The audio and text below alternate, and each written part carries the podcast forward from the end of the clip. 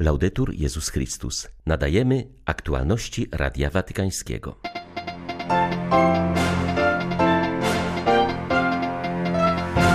Stolica Apostolska przypomina o potrzebie rygorystycznego przestrzegania restrykcji dotyczących sprawowania przedsoborowej liturgii. Świadectwa o nadużyciach ojca Rupnika wydają się bardzo wiarygodne, uznały rzymskie władze Towarzystwa Jezusowego. Zapowiedziano dalsze dochodzenie w celu pełnego ustalenia prawdy. Pogłębia się konflikt we wspólnocie anglikańskiej. Dwunastu prymasów nie uznaje już arcybiskupa Canterbury za honorowego zwierzchnika tego kościoła. Przyczyną rozłamu jest zgoda na błogosławienie par homoseksualnych. 21 lutego witają Państwa ksiądz Tomasz Matyka i Krzysztof Bronk. Zapraszamy na serwis informacyjny. Stolica Apostolska przypomina o potrzebie ścisłego przestrzegania motu proprio traditionis custodes, którym papież ograniczył przed dwoma laty możliwość w pełni swobodnego sprawowania przedsoborowej liturgii wprowadzono przez wcześniejsze motu proprio sumorum pontificum Benedykta XVI. Dowiadujemy się o tym z ogłoszonego dziś reskryptu prefekta dykasterii do spraw kultu Bożego po wczorajszej audiencji u papieża. Dokument ten odnosi się w szczególności do sprawowania przedsoborowej liturgii w kościołach parafialnych, ustanawiania parafii personalnych oraz upoważniania młodych kapłanów wyświęconych po 16 lipca 2021 roku do posługiwania się mszałem Jana XXIII. Są to, jak przypomina kardynał Roche, dyspensy zarezerwowane dla stolicy apostolskiej, w imieniu której władzę w tych kwestiach sprawuje dykasteria do spraw kultu Bożego. Dlatego jeśli jakiś biskup udzielił już takich dyspens, to zobowiązany jest poinformować o tym dykasterię, która oceni poszczególne przypadki. Towarzystwo Jezusowe wydało oświadczenie w sprawie ojca Marka Rupnika. Czytamy w nim, że nowe skargi dotyczące nadużyć popełnionych przez słoweńskiego jezuitę obejmują okres ponad 30 lat. Prowadzone będzie dalsze postępowanie wewnętrzne na zakonnika nałożono kolejne kary. Są to świadectwa osób, które naprawdę można uznać za ocalałe, biorąc pod uwagę doświadczone zło, o którym opowiadali. Czytamy w jezuickim oświadczeniu w sprawie ojca Marka Rupnika, które dziś rano zostało opublikowane na stronie internetowej Towarzystwa Jezusowego. Ojciec delegat Johann Vershueren wyraża wdzięczność wszystkim osobom, które miały siłę opowiedzieć o swoich doświadczeniach, niekiedy z wewnętrznym cierpieniem wynikającym z konieczności ponownego wydobycia na światło dzienne wielu bolesnych wydarzeń. Komunikat stwierdza, że zgłaszane nadużycia ojca Rupnika obejmują różne okresy. Dotyczą wspólnoty Loyola, gdzie są osoby, które twierdzą, że były wykorzystywane w sumieniu, molestowane duchowo, psychicznie lub seksualnie podczas osobistych relacji z ojcem Rupnikiem oraz osób należących do centrum Aletti. W sumie obejmują okres ponad 30 lat lat, od połowy lat 80. do 2018 roku. W oświadczeniu czytamy, że stopień wiarygodności tego, co zostało ujawnione czy zaświadczone, wydaje się być bardzo wysoki. Ojciec Verhueren podkreśla, że Towarzystwo Jezusowe chce mieć przed sobą jasną drogę, która zmierza do pełnego uznania prawdy o faktach przez osoby odpowiedzialne i drogę sprawiedliwości za wyrządzone zło. Widzimy, jak dzisiaj podczas wojny duchowa walka staje w centrum chrześcijańskiej uwagi. Zmagajmy się ze złem, ale pielęgnujmy też nasze dobre rysy. Mówił swym codziennym orędziu arcybiskup Światosław Szewczuk. Zwierzchnik miejscowych grekokatolików zwrócił również uwagę na nieustanne ataki rosyjskich najeźdźców na pozycje obronne jego rodaków. Wzywał do modlitwy, zwłaszcza za tych ukraińskich żołnierzy, którzy mogą szczególnie ciężko obecnie doświadczać wojny. Nawiązywał też do sytuacji cywilów. Wróg nadal systematycznie niszczy krytyczną infrastrukturę naszych miast i wsi, pozbawiając naszych ludzi niezbędnych środków do przeżycia, dostępu do światła, ciepła, a nawet wody pitnej. Na naszych oczach rozgrywa się wielka tragedia w naszym obwodzie hersońskim, który niedawno doznał wyzwolenia. Wciąż jednak Hersoń, stolica tego rejonu, jest epicentrum codziennych rosyjskich ataków. Wczoraj, tylko w ciągu jednego dnia, to miasto przeżyło sześć momentów potężnych ostrzałów. W ciągu owych kilku miesięcy po wyzwoleniu obwodu hersońskiego w wyniku takich ataków zniszczono 44 obiekty krytycznej infrastruktury, energetycznej, wsparcia medycznego czy szlaków transportowych. Ale to, co nas wszystkich wczoraj zaszokowało, to fakt, iż Rosja coraz częściej sięga po zakazaną broń. I tak wczoraj rejon Hersonia został ostrzelany pociskami fosforowymi, które powodują straszne oparzenia i obrażenia na ciałach ludzkich. To zbrodnia przeciwko ludzkości, kolejna zbrodnia wojenna. Ale dzisiaj chcemy podziękować Panu Bogu za to, że żyjemy, podziękować za odwagę i odporność Ukraińców, bo dzisiaj cały naród ukraiński stanął w obronie swojej ojczyzny. Wstał na zachist swojej батьківщини. U podstaw pomocy humanitarnej wobec Ukrainy stoi Ewangelia. Tak podsumował to, co dokonało się na granicy polsko-ukraińskiej w ciągu ostatniego roku arcybiskup przemyski Józef Michalik. Pomoc, jakiej udzielamy naszym braciom i siostrom ze wschodu, jest według hierarchy potwierdzeniem autentycznej miłości chrześcijańskiej. Kiedy 24 lutego 2022 roku wybuchła wojna na Ukrainie, pierwszymi decyzjami polskimi, które przyjęły falę uchodźców, były metropolie przemyska i lubelska, które bezpośrednio sąsiadują z Ukrainą. To, co dokonało się na terenie tych diecezji, było prostą odpowiedzią na słowa Jezusa. U podstaw tego działania leży Ewangelia, bo to nie jest tylko jakaś pomoc taka ludzka, to jest obowiązek. Mówi arcybiskup Józef Michalik. Chrześcijanin nie może odłączać życia od wiary. Bo Pan Jezus powie, byłem głodny, daliście mi jeść. Te piękniejsze, gdyby statystyk się nie podawało, gdyby się nie mówiło, trzeba było przyjąć miliony, to zostały przyjęte. Jak wyglądała ta pomoc? To nie do uwierzenia. Ludzi zmobilizowano wolontariat. I w pierwszych dniach wybuchu wojny, mróz luty, granica, na której stoją kolejki wielokilometrowe pieszych ludzi z dziećmi. Pytam, no to jak było? No te kanapki dostarczaliśmy. Po ile? Po tysiąc, dwa, proszę księdza, mówi mi dyrektor Caritasu.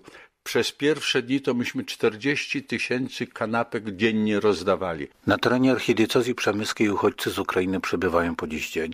Tutaj też rozlokowane są centra logistyczne, które wspomagają koordynację pomocy humanitarnej, jaka z Polski i innych krajów trafia w głąb Ukrainy. Dla Radia Watykańskiego z granicy ukraińsko-polskiej ksiądz Mariusz Krawiec, Paulista.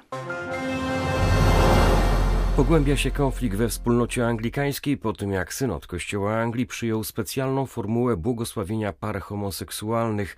Tym samym zdecydował się zerwać komunię z prowincjami, które są wierne historycznej wierze biblijnej, wyrażonej w anglikańskich formułach wiary, napisali episkopalni prymasi dwunastu krajów.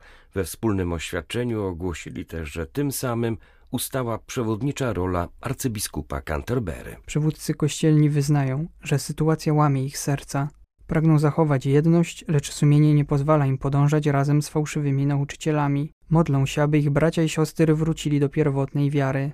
Nowa sytuacja zmusza prymasów do ustalenia nowego porządku. Wzywają do współpracy wszystkie prowincje anglikańskie, które zachowały ortodoksję. Sygnatariusze łącznie reprezentują około 25% prowincji składających się na wspólnotę anglikańską. Rzecznik biskupa Canterbury w odpowiedzi na wystąpienie powiedział, że w pełni szanuje stanowisko prymasów. Przypomniał jednak, że żadne zmiany w formalnej strukturze wspólnoty anglikańskiej nie mogą nastąpić, jeżeli nie zostaną uzgodnione przez jej organy. Rzecznik zaapelował, aby w świecie pełnym konfliktów, cierpienia i niepewności pamiętać, że więcej łączy członków Kościoła Anglikańskiego niż ich dzieli. Unia Katolicka Wielkiej Brytanii przestrzega przed legalizacją wspomaganego samobójstwa. Izba Gmin w tym kraju zakończyła już formalny proces badania opinii publicznej. Jeśli większość obywateli poprze projekt, legalizacja eutanazji jest niemal pewna. Czy zawód lekarza stanie się obszarem zakazanym dla katolików? Większość członków Brytyjskiej Unii Katolickiej uważa, że tak. Liderzy organizacji reprezentującej w parlamencie ponad 4-milionową społeczność brytyjskich katolików zapytali swoich członków, co sądzą na temat legalizacji wspomaganego samobójstwa. Aż 88% uczestników sondażu stwierdziło, że prawo nie powinno ulec zmianie lub wręcz, że należy je zaostrzyć. Ta sama większość połączyła zmianę prawa w tej dziedzinie z automatycznym utrudnieniem katolikom wejścia do zawodu lekarza. Problem na łamach Catholic Herald skomentowała Lady Sheila Hollins. profesor psychiatrii na Uniwersytecie Świętego Jerzego w Londynie.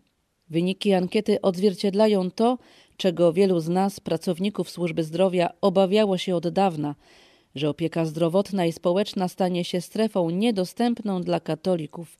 Debata wokół wspomaganego samobójstwa musi koncentrować się na najlepszym sposobie opieki nad osobami nieuleczalnie chorymi. Dobra jakość opieki paliatywnej jest niezbędna. Od tego musimy zacząć.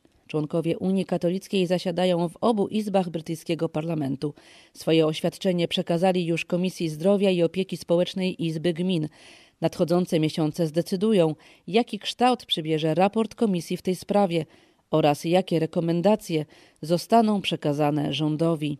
Dla Radia Watykańskiego Elżbieta Sobolewska-Farbotko, Radio Bobola, Londyn. Podczas gdy kolejne amerykańskie stany opowiadają się coraz bardziej za ochroną życia, sataniści otwierają klinikę, w której będą oferować praktykę nazwaną bluźnierczo sakramentem aborcji. Zalegalizowana jako związek wyznaniowy, satanistyczna sekta będzie prowadzić swe działania w stanie Nowy Meksyk. Amerykańska demokracja zdaje się sięgać absurdu, podczas gdy za modlitwę przed klinikami aborcyjnymi można trafić do więzienia, to jednocześnie w imię tzw. Tak wolności religijnej aprobowane jest otwarcie pseudokliniki, w której zabicie dziecka w łonie matki staje się rytuałem religijnym uznanej przez państwo sekty pod nazwą świątynia satanistyczna. Przeciwko tym działaniom protestują obrońcy życia ze stanu Nowy Meksyk, gdzie aborcja jest legalna aż do urodzenia, przypominając, że jest to farsa z zasad wolności religijnej i amerykańskiej demokracji. Wskazują zarazem, że świątynia satanistyczna chce, by aborcja była bezproblemowo dostępna, także w tych stanach, gdzie obowiązują przepisy chroniące życie nienarodzonych dzieci. Katoliccy biskupi Nowego Meksyku zdecydowanie potępili tę inicjatywę, wezwali wezwali wiernych do dalszego opowiadania się za życiem. Zdumiewa mnie zainteresowanie, jakie wzbudza nasz mały nordycki kościół. Widzimy jednak, że na skutek przemian zachodzących w Europie również wspólnoty w innych krajach mogą się znaleźć w podobnej sytuacji, mówi kardynał Anders Arborelius, katolicki biskup Sztokholmu. Dodaje, że katolicy w Szwecji to niewielka, ale wyrazista wspólnota wiary, zróżnicowana pod względem narodowościowym i ukierunkowana na ewangelizację. Sam kardynał Arborelius jest z pochodzenia Szwedem luteraninem. Przyznaje jednak, że w młodości nie był silnie związany z kościołem luterańskim. Dopiero po nawróceniu na katolicyzm nauczył się doceniać dobrych i pobożnych protestantów, którzy wiernie żyją dobrą nowiną. Zauważył, że z protestantami można rozwijać dobrą współpracę w modlitwie i działalności charytatywnej, lecz niestety wciąż nie podzielamy tej samej wiary w Eucharystię i dlatego nie możemy razem przyjmować komunii. Zapytany o potrzebę rozwijania ekumenizmu wewnątrzkościelnego z katolikami, którzy sprawują przedsoborową liturgię, kardynał Arborelius odpowiedział, że w Szwecji jest to niewielka grupa wiernych, w większości szwedzkich konwertytów. Kilku kapłanów zostało upoważnionych do odprawiania dla nich mszy w kościołach nieparafialnych. Wydaje się, że istnieje na tym polu pewne napięcie, ale tą sprawą interesują się tylko nieliczni, dodał szwedzki biskup. W nawiązaniu do listu, który episkopat krajów nordyckich skierował w ubiegłym roku do biskupów niemieckich, kardynał Arborelius przyznał, że niepokoi go możliwość schizmy w Niemczech i w innych krajach, ale podkreślił, że trzeba mieć nadzieję i modlić się, aby pragnienie zachowania jedności okazało się silniejsze. Mówiąc z kolei o swym zakonnym powołaniu, wyraził radość z faktu, że przez 27 lat mógł jako karmelita wieść życie modlitwy w klasztorze. To mi pomaga radzić sobie z zadaniami i wezwaniami, które stoją przede mną jako biskupem i kardynałem, a także w pokorze uznać, że nie wszystkiemu podołam. Coraz bardziej muszę ufać Panu i Jego opatrzności, dodaje katolicki biskup Sztokholmu. Były to aktualności Radia Watykańskiego. Laudetur Jezus Chrystus.